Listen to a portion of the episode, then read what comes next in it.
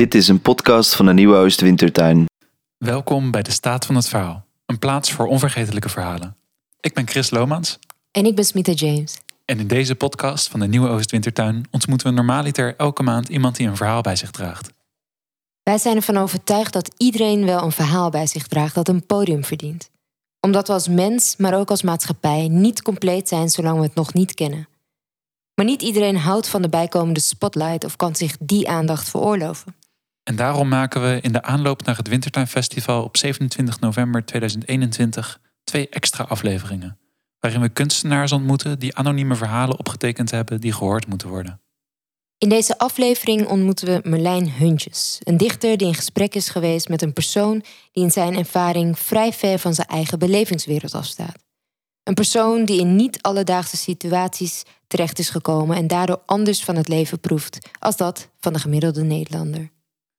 Naar aanleiding van dit gesprek heeft Merlijn een gedicht geschreven die de essentie van het verhaal van de anonieme verteller vat.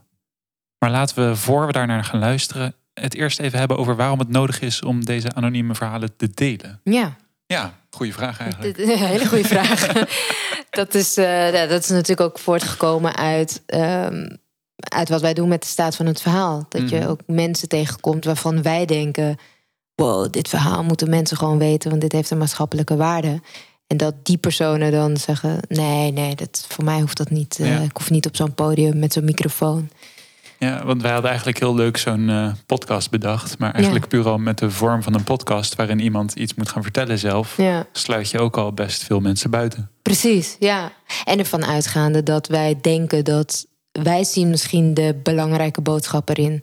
Die persoon is daar misschien nog niet eens. Want Ja. het is natuurlijk, dan kom je op dat ding van een privéverhaal of een persoonlijk verhaal. Eh, en dan komt pas de volgende stap. Wil ik dat delen? En ja. hoe wil ik dat delen? Ja. Het moment dat je er zover, zover bent dat je zelf een verhaal deelt, dan heb, heb je al de, een soort van afstand of positie ertoe. Vaak wel. Nou ja, sommige ja. mensen die kunnen dat ook heel erg wel als de pijn nog wel, ehm, als de wond nog steeds open is. Ja. Ehm, de vraag is dan altijd: is het verstandig om dat dan al te delen? Ja. Uh, maar ik denk dat dat ook voor iedereen persoonlijk uh, de afweging moet zijn. Natuurlijk. Precies. In elk geval was het ons heel erg duidelijk dat er ook verhalen waren die niet in zo'n podcast als deze zomaar terecht zouden komen. Of niet in mensen die zich hier snel voor zouden aanmelden. Nee, maar dat we die verhalen wel willen horen. Ja, wel willen horen, maar ook omdat ze dus belangrijk zijn om gehoord te worden. Niet alleen voor de persoon zelf, maar ook voor jou, de luisteraar. Ja. Die, Precies, eh, jij. Ja, die nu precies luistert. jij die nu luistert. Die, die herkenning ehm, vindt in zo'n anoniem verhaal. Ja. En waarom doen we dat dan via kunst, Smita? Ja, goeie. Ja, ik doe alles via kunst, sowieso. Dus ehm, ik, nee, ik geloof ook echt dat kunst ehm, met zoveel meer kan resoneren eh, dan we ons bewust zijn Ja. van wie we zijn en waar we zijn. Dat klinkt heel spacey voor sommige mensen. Eh, maar voor mij klopt dat gewoon. Ik denk dat kunst ehm, je kan aanraken zonder dat je weet dat je daar aangeraakt wil worden. Ja. Dit klinkt heel fout, maar ik ik hoop dat je me een beetje snapt. Zeg maar dat. eh, wat ik probeer te zeggen is dus dat je gewoon, als je soms word je aangeraakt en dan weet je niet. Eh, Soms krijg je een knuffel, laat ik het zo zeggen. Soms krijg je een knuffel van iemand en dan wist je eigenlijk niet je, Wat voor behoefte je daaraan had. Ja. Weet je wel, en dat heb je dan natuurlijk wel toegelaten. En dan daarna denk je, ja, dit had ik nodig. Ja. Thanks. Ja. Want ik had er zelf niet om gevraagd, misschien. Dus dat doen we. Dus dat doen we bij deze, ja. Ja. hey, waarom, waarom heb jij kunst toegelaten dan in, op deze manier? Ehm, ik denk dat kunst eh, bepaalde dingen universeler kan maken. Ehm, ik En denk dat bedoel ik dus. Waarom zeg jij het dan weer zo goed, hè? Jij maakt, het- doet er gelijk een metafoor bij. Dat is Ja, super precies. dichterlijk. En daardoor kan iedereen het voelen. En ik zeg het dan, maar dan begrijpen mensen het. En, eh, ja. Hele goede aanvulling. Ja, nou, jij zegt het als een kunstenaar. Ja. no, but serieus, denk je dat kunst ook het middel is voor juist voor anonieme eh, verhalen? Ehm, ja, ik denk dat. eh, eh, ehm, als kunstenaar heb je heel veel ruimte om een verhaal eh, zo precies zo vorm te geven als je wil. Dat is wat kunstenaars doen natuurlijk. Dingen Mhm. vormgeven Ja. ehm, eh, en dingen overbrengen. Dus die zijn er bij uitstek in getraind om te kijken van wat is precies het zaadje dat ik wil planten in het hoofd Ja, van deze luisteraar. Ja. En wat, we, wat, wat kan je dus dan ook delen en verdelen? Precies. Ja. En Denk dat- je, Ja, zeg maar. nee, ik wilde zeggen, denk je dat het uitmaakt... eh, zeg maar, het verhaal is er, toch? Ja. De persoon vertelt het niet zelf. Denk je dat dat uitmaakt wie het verhaal vertelt? Dat is een hele goede vraag. Ehm, ik, denk dat dat, eh, ik denk dat dat zeker verschil maakt. Eh, en ik weet niet of dat per se, per se een negatief iets is. Ik denk dat als ik jouw levensverhaal zou vertellen, dan zou dat heel anders zijn dan als eh, iemand anders jouw levensverhaal zou vertellen. Ja. Ehm, omdat ik het andere dingen in mij aanraakt. en ik weer specifiek, op specifieke dingen aanga. En, Mhm. en dat is denk ik ook mooi, helemaal niet erg. Ik denk dat het er vooral eh, goed is om je er wel bewust van te zijn. welk perspectief op welk verhaal je laat horen. Want sommige perspectieven zijn wel oververtegenwoordigd in ja, het Ja, ja, van verhalen dan andere. hele goeie. En ik denk in zo'n persoonlijk anoniem verhaal... dat het... Het is natuurlijk ook niet... Zeg maar, als ik een anoniem... Als ik jouw verhaal zou gaan vertellen... dan ga ik dat niet vertellen omdat ik dat wil vertellen. Ja, Want dan overschrijd ik misschien bepaalde grenzen. Ehm, maar als ik word gevraagd om jouw verhaal op te tekenen, dan doe ik het ook voor jou. Dus dan Ja. zit, er eh, zit er een hele andere intentie achter. En zeker wel een andere energie dan als je het zelf zou vertellen. Maar dat is dus, dat zijn wij overeengekomen. ja, ehm, met een doel. ja. Dus ik denk dat dat, ehm, dat het naast elkaar kan staan. Ja. En tegelijkertijd kan je als kunstenaar ook een verhaal nemen en er gewoon echt je eigen kunstwerk van maken. En dat is Mhm. ook waardevol. Dat kan ook heel mooi zijn. Ja, zeker. Eh, Hoe, hoe zou jij dat doen als jij nu een anoniem verhaal Oeh. mocht optekenen? Jij bent ook schrijver. Ehm, ik zou dat best lastig vinden op dit moment, denk ik. Omdat ik zo, zo erg eh, nu in mijn eigen ervaring gedoken ben om daar vanuit te schrijven. En Mhm. ook eh daar vanuit eh, heel organisch vormen laten ontstaan. Die denk ik ook niet voor elk verhaal geschikt zouden zijn. Mijn vorm is nu Ja, heel poëtisch en eh, associatief en intuïtief. En dat leent zich niet voor een heel duidelijk overdraagbaar verhaal in elk geval. Een beetje zoals mijn uitleg van net, bedoel je? Ja, precies. Thanks. nou, ik denk dus dat ik het wel zou kunnen nu. Ja, ja. Maar ik denk dat je daar een heel goed punt eh aantikt. Dat, ik denk niet dat iedereen dat zou kunnen doen. Nee. En de mensen die wij hebben eh, gevraagd voor deze twee extra uit, eh, afleveringen... die zijn er ook echt wel geknipt Ja, voor. zeker weten. En, ehm, Zullen we daar eens naar gaan luisteren? We- ja. ja. Want dat is natuurlijk een voorgevoel. Nu, moeten we, nu Nu- gaan we het Nu gaan we het aanhoren. horen. Ja, Zeker. spannend. Alright, laten we nu naar het gedicht van Marlijn gaan luisteren. Hij kan er niet fysiek bij zijn, dus hij heeft een opname voor ons gemaakt. Eh, hij leest een gedicht voor. Daarna zal hij kort wat vertellen over zijn werkproces. En daarna luisteren we nog een keer naar zijn gedicht. Hij is fijn om als kennis te hebben. Je hebt in je rechterhand een onbekende reistas vast. In de linker het handvat van de deur aan de kant van de bijrijder. De chauffeur wacht in de bus. Het is midden in de nacht. Je maakt de busdeur open en trekt hem snel achter je dicht wanneer je zit, alsof het geheim geheim en binnen moet blijven. Je zit naast degene waarmee je eerder vandaag belde. Zo iemand zouden we ook kunnen zijn. Iemand die iemand kent, die iemand kent, die nu in de gevangenis zit omdat jij iets deed en hij iets anders deed, maar zeker niet dat wat jij deed, maar hij zei niet dat jij het was, maar dat hij het was en nu zit hij vast en schaakt hij en leest hij boeken, Kierkegaard en Nietzsche. Hij verkocht iets aan je waarvan hij zei dat het een droom was. Vacuümverpakte plastic zakken die mooi opgestapeld in een reistas passen. Hij zou je zo aan je haren uit de wijk waarin je opgroeide trekken. Het kind zonder geld voor voetbalschoenen. Hij zou bovenop de plastic zakken de routebeschrijvingen naar een grens leggen waar hij en jij later, als jullie groot zijn, overheen zouden moeten gaan. Als ik terugdenk naar ons gesprek, uh, weet ik dat ik heel erg zenuwachtig was, omdat ik.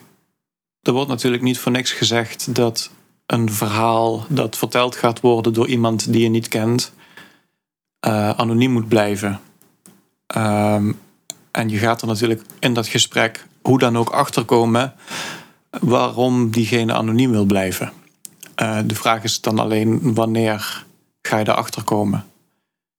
Je wil zo iemand ook niet de kleren van het lijf vragen in de eerste minuut. Maar je wil het ook niet te lang uitstellen. Dus daar zit gewoon een heleboel spanning op. In elk geval bij mezelf. Zeker omdat ik van tevoren een hele strategie bedacht had. Hoe je dat aan uh, moet vliegen. Alsof, het een, alsof je een casus gaat behandelen. En uh, dat bleek niet nodig te zijn. Want je maakt weer contact op een heel menselijk niveau. Uh, ongeacht het verhaal. En het is nogal een verhaal. Degene waar ik mee gesproken heb, uh, is ex-gedetineerde. Dus dat betekent dat diegene een, uh, al dan niet een misdaad begaan heeft. Diegene is wel veroordeeld daar, daarvoor. Tot een gevangenisstraf. En zit nu in de laatste fase, zou je kunnen zeggen, van die, van die straf. En ehm, ja, op een gegeven moment kom je erachter. Maar omdat je contact hebt gemaakt op een uh, menselijk niveau, maak je dat ook wel in zekere zin, zou ik willen zeggen, nederig. Zonder dat je jezelf onder diegene probeert te plaatsen. Maar er is een wederzijdse openheid. En um,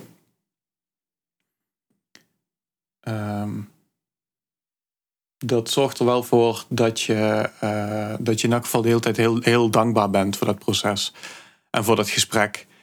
Het veroorzaakt ook een heel ander probleem, namelijk dat je daarna dat gesprek uh, waarmee je helemaal vol zit, uh, dus dat, dat, draait nog wel even door je hoofd, moet verwerken tot, een, tot weer een, een autonoom werk of een, of een tekst die dan van mij is. En dan gebruik je maar uiteindelijk blijkbaar een heel klein gedeelte van dat gesprek, echt een, een mini-aspect van waar we het over gehad hebben, omdat dat blijkbaar uh, voor mij behandelbaar was. Een situatie waar ik me in kon, nou niet zozeer echt in kon verplaatsen, maar, ik, maar die ik in elk geval uh, de contouren van kon schetsen. En ik denk dat dit, dat, dat ook zo'n werk geworden is. Iets, een werk waarin er om iets heen gedraaid wordt. Terwijl dat in het gesprek helemaal niet zo aan de hand was. Maar uh, ja, er staat iets op het spel. Je hebt, iets, je hebt zo iemand uh, waarmee je zo'n open gesprek voert, heb je te beschermen. En, ehm, en dat wilde ik dus als dat wilde ik dus thematiseren. Ja, dus dat is, dat is wat er uit mijn hoofd komt wanneer ik aan het gesprek terugdenk. Hij is fijn om als kennis te hebben. Je hebt in je rechterhand een onbekende reistas vast. In de linker het handvat van de deur aan de kant van de bijrijder. De chauffeur wacht in de bus. Het is midden in de nacht. Je maakt de busdeur open en trekt hem snel achter je dicht wanneer je zit, alsof een geheim geheim en binnen moet blijven. Je zit naast diegene waarmee je eerder vandaag belde. Zo iemand zouden we ook kunnen zijn. Iemand die iemand kent, die iemand kent, die nu in de gevangenis zit omdat jij iets deed en hij iets anders deed, maar zeker niet dat wat jij deed, maar hij zei niet dat jij het was, maar dat hij het was en nu zit hij vast en schaakt hij en leest hij boeken. Kierkegaard en Nietzsche. Hij verkocht iets aan je waarvan hij zei dat het een droom was vacuümverpakte plastic zakken die mooi opgestapeld in een reistas passen. Hij zou je zo aan je haren uit de wijk waarin je opgroeide trekken. Het kind zonder geld voor voetbalschoenen. Hij zou bovenop de plastic zakken de routebeschrijvingen naar een grens leggen, waar hij en jij later als jullie groot zijn overheen zouden moeten gaan. Ja, super vet. Ja, een hele andere manier om een persoonlijk verhaal ja, tot je te krijgen. Ja, het is echt een soort van sfeerschets. Ja, ik, ik ging ook echt mee. Ik zag alle beelden vormen. Dus dat is echt heel nice ehm, beschreven. Ja, bij mij blijft ook heel erg bij dat eh, alsof een geheim geheim en binnen moet blijven. Ik heb ook het gevoel alsof ik het lees dat ik een soort van bijna geheim, geheim ben, wat ik niet te weten kom, maar het is er wel. Ja, en je weet ook dat je stil moet zijn nog, Ja. alsnog of zo. Ja, er Ja. zit een spanning in die, ehm, die, die, die, die, die onvermijdelijk is. Ja, En dat zit hem niet alleen in waar het verhaal over gaat, maar ook echt hoe Marlijn het opgetekend heeft. ja. Dat is ook wel het bijzondere van, van poëzie als, als vorm om zo'n anoniem verhaal te vertellen. Want hij brengt een sfeer over, terwijl we helemaal niks concreets weten. Nee, Wij weten niet welk gedeelte van het verhaal Nee. van de anonieme verteller hier vertolkt is. Klopt. Eh, en, maar we kunnen wel iets voelen. ja. ja. Wat voelde jij? dreiging. Het is een soort Mhm. van. Ik heb het gevoel dat er ergens een soort van. eh, een kans is die goed of fout kan gaan Mhm. aflopen. Oh ja. Dat, die vibe krijg ik een beetje. Het, het, het, het dreigend en, en eh, er is iets gevaarlijks. ja, dat had ik ook, dat gevaarlijke. Maar ook iets grimies. Ja. Maar ook iets alsof onschuld wordt weggenomen of zo. Mm. En dat kwam Ja. vooral door die zin van Dat eh, kind. dat kind ja, Ja. dat, ja. Die zijn voetbalschoenen niet kan betalen. toch? precies. Ja. Ja. En Toen dacht ik, dat- dat kwam. Eigenlijk kwam het toen pas echt even bij mij binnen. Ja. Dat Dan wordt het ook echt een mens waar het over gaat. Ja. Ja, daarvoor zijn het handelingen Ja. eh, die ik ook wel voor me zie. Maar die, daar kan ik nog een soort van afstand in bewaren. Ja. En dan op een gegeven moment wordt het inderdaad door dat eh, kind te benoemen, Ja. wordt het opeens, oh, een persoon. Ja. Dat is wel heel bijzonder. ja, heel vet. Ik, ik ben, eh, dit is ook echt een, een tekst, een goed voorbeeld, wat je gewoon een paar keer moet luisteren. Want er zitten, denk ik, ook meerdere verhalen in dit verhaal. Mhm. Meerdere verbindingen. Want Ja. dat, dat, dat hoor ik ook echt terug. Er zitten allemaal verschillende verloopjes in Ja. die uiteindelijk ophouden. En dan ben je opeens in het nu. Ja, en dit is ook een gedicht waar je gewoon verder over wil denken en door op wil associëren. Van die grens waar ze uiteindelijk ja. overheen gaan. Wat, wat is dat? Wat. Is dat die onschuld, Ja. die grens? Of eh, Of zijn het vluchtelingen bijvoorbeeld? Ja. Of het kan. Wat, wat was jouw idee daarbij? Ik, ik weet het niet. ik, ik had het gevoel dat het over eh, dat het met smokkelen te maken had. Ah ja. En jij? Ik, ehm, ik weet niet wat het exact is, maar ik denk, we, ik zag mensen voor me. Maar dat kan ook door het hedendaagse nieuws zijn, hè? Eh, Ja. eh, Polen, Wit-Rusland. Ja. Ehm, en ja, je hoort grens, dus dan, ik link dat gelijk aan vluchtelingen. Ja. Maar ja, het zou ook mensensmokkel kunnen zijn. Ja, precies. Als jij ja. zegt, eh, ja, want, ja, want er, er is in er liggen van die routes de grens over. oh ja. Ja. ja. Dus gewoon niet weten wat het verhaal is, maar wel de kenmerken ervan, nou ja, eruit halen. En een stukje gevoel. En een stukje gevoel. Wat denk je dat zo'n anoniem verhaal voor iemand kan betekenen? Dus niet voor degene die het vertelt, maar de, voor de luisteraar. Wij hebben dit verhaal laten optekenen, omdat wij vonden dat deze persoon een belangrijk verhaal te vertellen heeft. En eigenlijk komt de essentie van dat verhaal, van dat gesprek, Ja. ehm, krijgt nu vorm in een tekst die iets verder ehm, van het concrete verhaal afstaat, maar wel, nou ja, wat je zelf al zegt, het gevoel ontlokt, ehm, wat dus een hele belangrijke rol speelt Ja. aan weerskanten van nou, de verteller en degene die het ontvangt. Ja. Ja, Ehm, het dwingt mij om me te verhouden tot een situatie die ik niet in mijn eigen leven eh, tegen zou komen. hoe weet je dat? Hoe weet je dat jij dit verhaal niet tegenkomt? Omdat ik dat gevoel zo totaal niet herken. Hmm.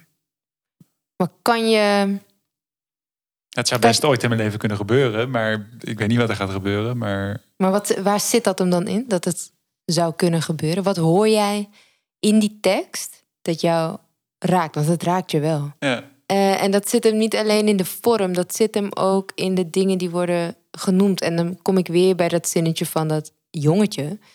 Wie is dat jongetje, denk ik dan? Ja. En eh, wat, wat kan ik voor het jongetje betekenen? Ja. Weet je, voor die persoon betekenen?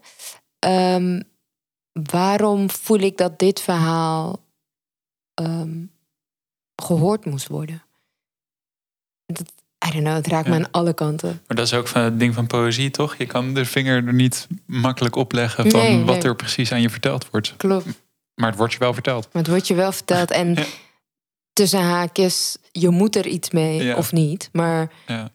ehm, wat, wat, wat draagt het bij voor jou om dit verhaal nu gehoord te hebben? Geeft het een bepaald inzicht? Nee, daar is het te abstract voor, maar dat is ook niet het doel ervan, denk ik. Hm. Ehm, het is een stukje van een leven en zo hoor ik het. Ja. En jij? Nou ja, ik denk eigenlijk. Jij zegt nu nee, maar ik denk wel dat het ook goed is voor mensen om te horen om, ondanks dat het niet zo snel, eh aanname natuurlijk, zo snel in mijn leven voortko- voor, voorkomt, dat ik in zo'n grimy scene ben waarin ik tot bepaalde grenzen word gedreven, want dat hoor ik Ja. eigenlijk ook een beetje Ja. in terug. Maar, I mean, de person in dat verhaal is net zoveel mens als dat ik mens Zeker. ben. Ja, je merkt ook dat het iemand is die ook maar gewoon een beetje doet wat er moet gebeuren of zo. Of wat er, wat, eh, waar die tot toe gedreven wordt. Of, Ja, maar eh, in die situatie inderdaad. ja. Maar ik ben wel benieuwd, hoe kom je in zo'n situatie? Ja, En is dat inderdaad iets waar wat iedereen kan overkomen? ja. Ehm, dan is dat best wel scary. En dan ben ik blij dat ik dit verhaal Ja. hoor, abstract of niet. Maar dat, dat betekent dus dat er, er zit meer dan de bubbel waarin ik zit, zeg Ja. maar. Ehm, dus ik ben heel dankbaar eigenlijk voor, voor, voor deze uitwisseling tussen Marlijn en die persoon. ja. En, ehm, maar ook dat stukje, omdat wat jij ook zegt, dat poëzie natuurlijk weer iets anders aantikt. Ehm, ook dat ik er op die manier naar kan kijken. ja. Dus je hoeft niet altijd iets meegemaakt, zelf meegemaakt te hebben om geraakt te worden. precies. Nice. Dit, ehm, Heel vet. dit was echt tof. Dat was eh, onze opening van onze eh, opening, deze serie ja. van extra afleveringen. Exactly. Op 27 november zijn we dus de gast op het Wintertuinfestival in Nijmegen. En daar gaan we live in gesprek met schrijver Raoul de Jong. In aanloop van het festival maken wij ruimte voor het delen van anonieme verhalen. Ben je nu ook zo benieuwd geworden naar het tweede anonieme verhaal? Luister dan volgende week weer. Yes. En wil je meer weten over de staat van het verhaal? Ga dan naar onze website www.destaatvanhetverhaal.nl. Daar vind je onze andere afleveringen en verdiepende artikelen. En ook een uitgeschreven versie van deze aflevering. Mocht je het fijn vinden om het nog een keer na te kunnen lezen. Bedankt voor het luisteren. En tot de volgende. Dit was een podcast van de Nieuwe Oostwintertuin. Volg ons via jouw favoriete podcast-app voor meer podcasts over verhalen, literatuur en schrijven. Tot de volgende keer.